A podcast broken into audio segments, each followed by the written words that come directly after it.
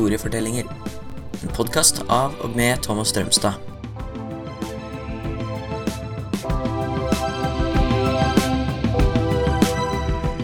Fra de første mennesker til de første sivilisasjoner. Episode 23. Ja, nå tenkte jeg at jeg skulle ta en liten sånn um, Nå skal jeg snakke litt om egentlig menneskets utvikling fra mennesker og samfunnets utvikling fra ja, helt tilbake til første mennesker. da, Og da gjennom eh, jordbruksrevolusjon og fram til sivilisasjonene.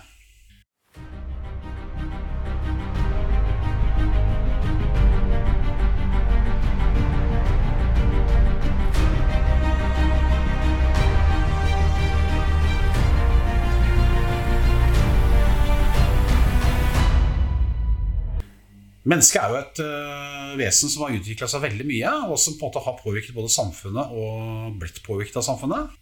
Vi kan jo si at Gjennom historien så har øh, mennesket gått ifra å være et ganske primitivt vesen, som gikk på alle fire, til å bli et avansert vesen med både tankekraft, fysisk tilpasselsesevne og evne til rasjonell vurdering. Ja, Mennesket har jo da blitt utviklet i tråd med naturen, og mennesket har etter hvert utviklet omgivelsene med teknologi og kunnskap. Altså, Mennesket er et produkt selvfølgelig av forholdet i naturen, men mennesket har jo også etter hvert også tatt over ganske mye av naturen. Flere og flere stiller spørsmål om vi da kanskje har uh, tatt for mye kontroll over omgivelsene, og at dette på sikt vil være uheldig. Mange vil si at konsekvensene er der allerede, med ødeleggelse av miljøet, krig og fattigdom. Uansett, menneskets historie, det er fascinerende. Det første vi kan begynne med å spørre, er hva er et menneske? Hva skiller et menneske fra andre vesener?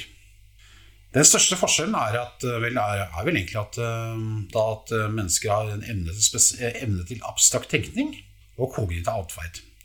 Det vil altså si at man da er bevisst på ting, og at man kan tenke ut da eh, sammenhenger.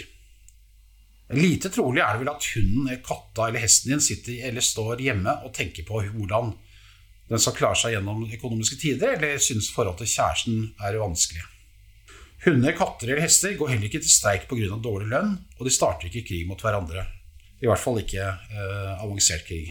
De murrer og dunker borti matskåla hvis den er tom når de er sultne, eller blir triste hvis eieren er lenge borte. Men de reagerer ikke på om du sier at eh, du stemmer rødt eller kjøper eh, First Price-fôr til dem, bare fordi det er First Price-fôr. Mennesker kan vurdere, reflektere og handle. Dyr handler på instinkt. Og de er sikkert veldig eh, lykkelige med det. De første menneskene kom til for flere millioner år siden. Disse menneskene var hva vi kaller, for primitive. De var i nær slekt med apene. De gikk mer eller mindre på alle fire og hadde masse hår over hele kroppen. Kjevene er større enn de våre, da de var skikkelig kjøttetere. I løpet av en dag var det vanlig at et menneske fikk i seg to kilo med kjøtt.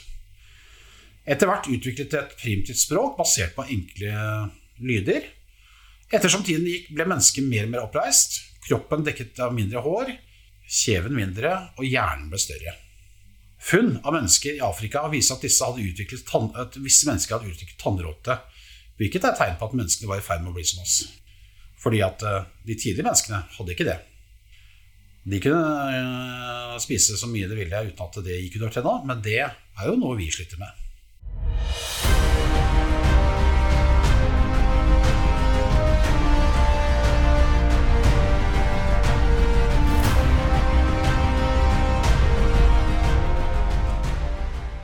For mellom 300 og 200 000 år siden ble altså vårt eget menneskeslag Homo sapiens utviklet. Samtidig som oss var det jo et annet menneske, neandertal, som oppsto.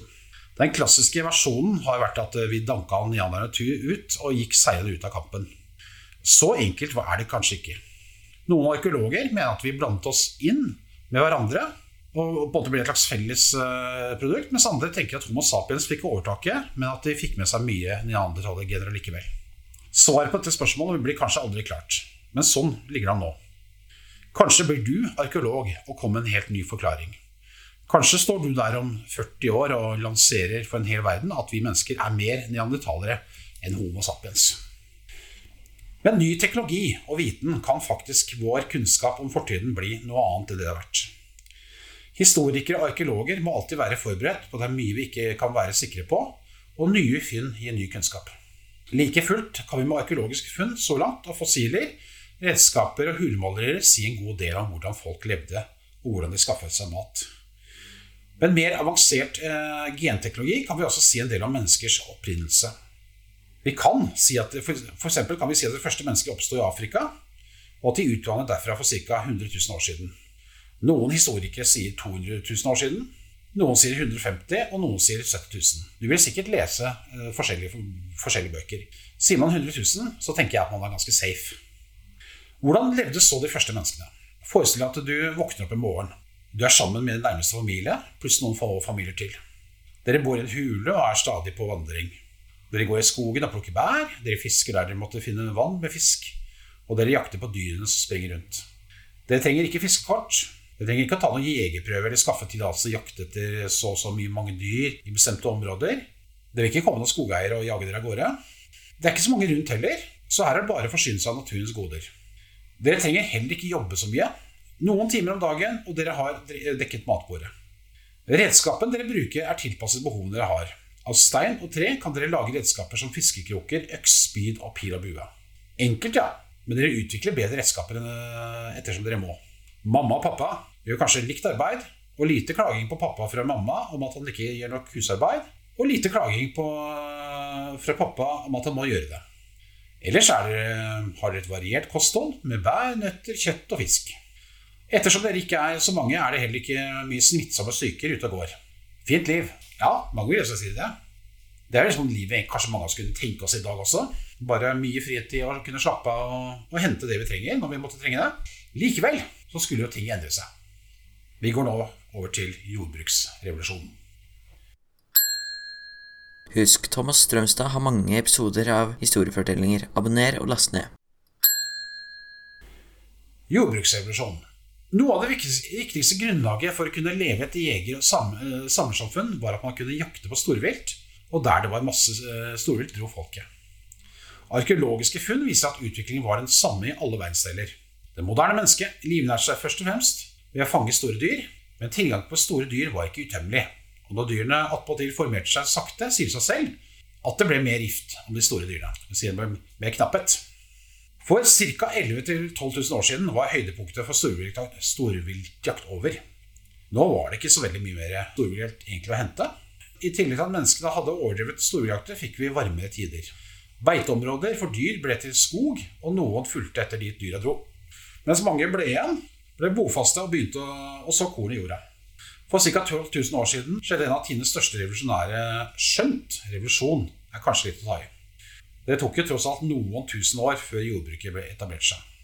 Like fullt, selv om det tok mange år, innebar overgangen til jordbruket en av de største overgangene i historien. Nå begynte folk å bo på samme sted, man begynte å operere med eiendomsrett, og man begynte å temme dyr og ville gi planter. Det første dyret som ble temmet eller domestisert, som det så pent heter, altså domestisert, var hunden, som var etterkommer av ulver. Og det er jo unektelig lenge siden. fordi at eh, vi tenker på at gode, snille, trofast faktisk stammer fra ulven inne i skogen. Mange syns kanskje det er en skremmende tanke, og de syns det egentlig er en ganske morsom tanke. At folk gikk over til jordbruket, var nok på mange måter heller et must enn et ønske. Manglende tilgang på jord, vilt av både menneskeskapte og klimamessige forhold, gjorde at jordbruk ble løsningen. Med jordbruk var man sikret mer forutsigbar og sikker tilgang på mat. Et område som lå ypperlig til for jordbruk, var området mellom Persabukta og Middelhavet, eller Den gylne halvmåne, som det heter. Her var det rikelig med fruktbar jord, og herfra spredte jordbruket seg videre til Nord-Afrika, Europa og Asia. Historikerne er også åpne for at det kan ha oppstått samtidig i Kina. Der gjorde de ting på sin måte. Til Norge kom det så sent som 4000 år før Kristus. Vi har alltid vært litt sene her på bjerget. Som nevnt innebar jordbruksrevolusjonen store konsekvenser. Med jordbruk fikk vi økt mat, og da ble det mer folk. Det var ikke lenger behov for at alle drev med jordbruk. I stedet begynte folk å gjøre andre ting som også trengtes. Som f.eks. lage verktøy og jobbe som håndverkere. Nå som folk hadde begynt å bo fast og drive jordbruk, vokste også ideen om privat eiendomsrett inn. Når folk og dyr bodde lett tettere på hverandre, begynte også sykdommer å florere. Videre ble det større forskjeller mellom folk og større sosiale skiller. For kvinnene innebar jordbruksrevolusjonen at de måtte være i heimen og selge barn og lage mat, mens mennene drev jorda og var de som kommuniserte og tok beslutninger sammen med andre jordeiere. Med andre ord, folk begynte å gå fra et homogent samfunn, altså et samfunn preget av likhet, Preget av nomadisk tilværelse, mye fritid, fravær av kjønnsrolletenkning og sykdommer til et samfunn med større forskjeller mellom folk og mellom mann og kvinne. Mindre fritid og mer sykdom, men med bedre matsikkerhet, økt grad av spesialisering og samarbeid. Om det var fremskritt eller ikke, kan man sikkert diskutere.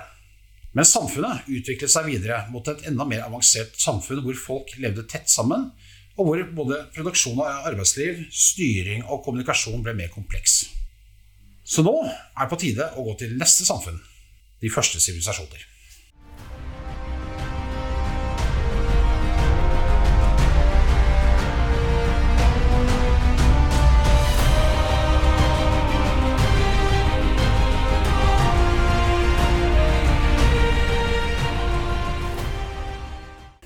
De første sivilisasjoner.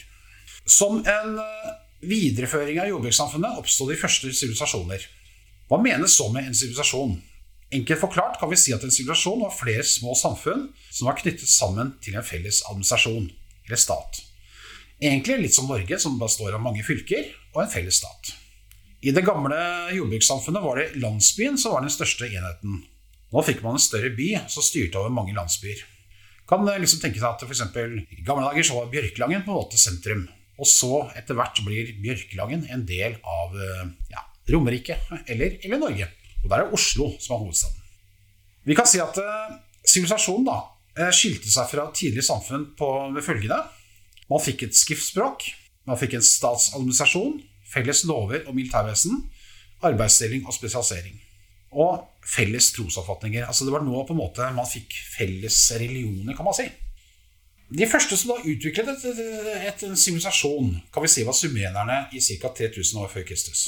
De bodde i bystater som Uruk og Urk, som lå i det sørlige Mesopotamia.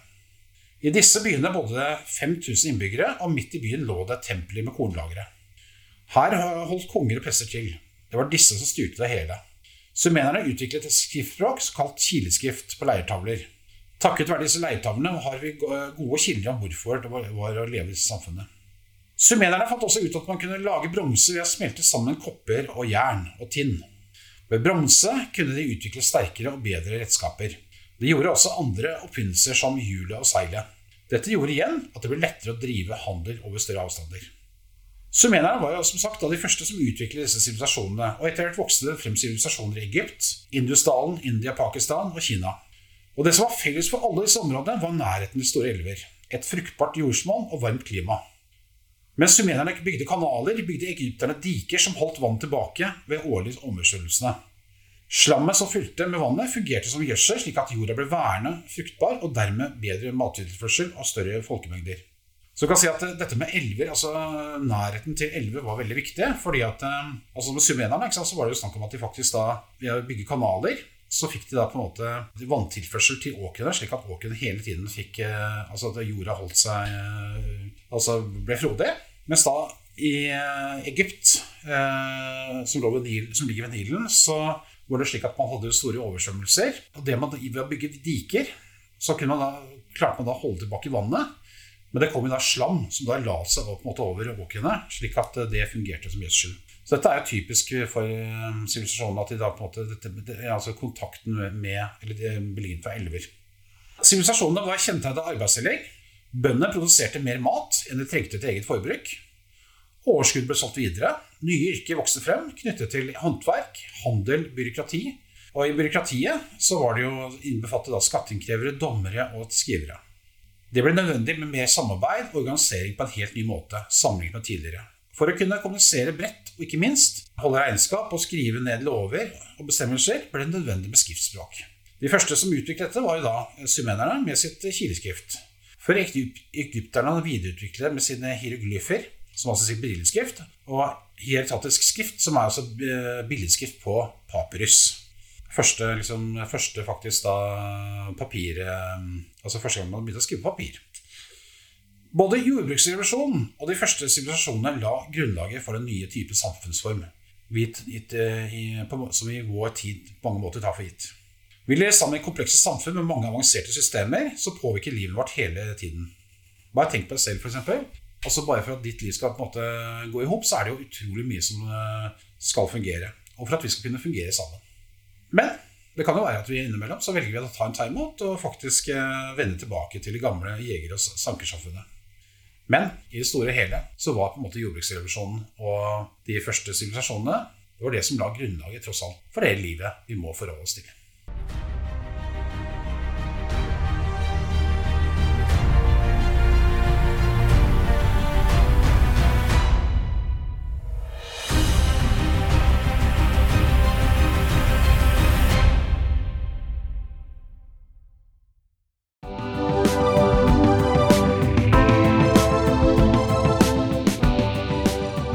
Historiefortellinger fortalt av Thomas Strømstad. Stein Suland har redigert podkasten, og voiceover er jeg, Rikard Surland.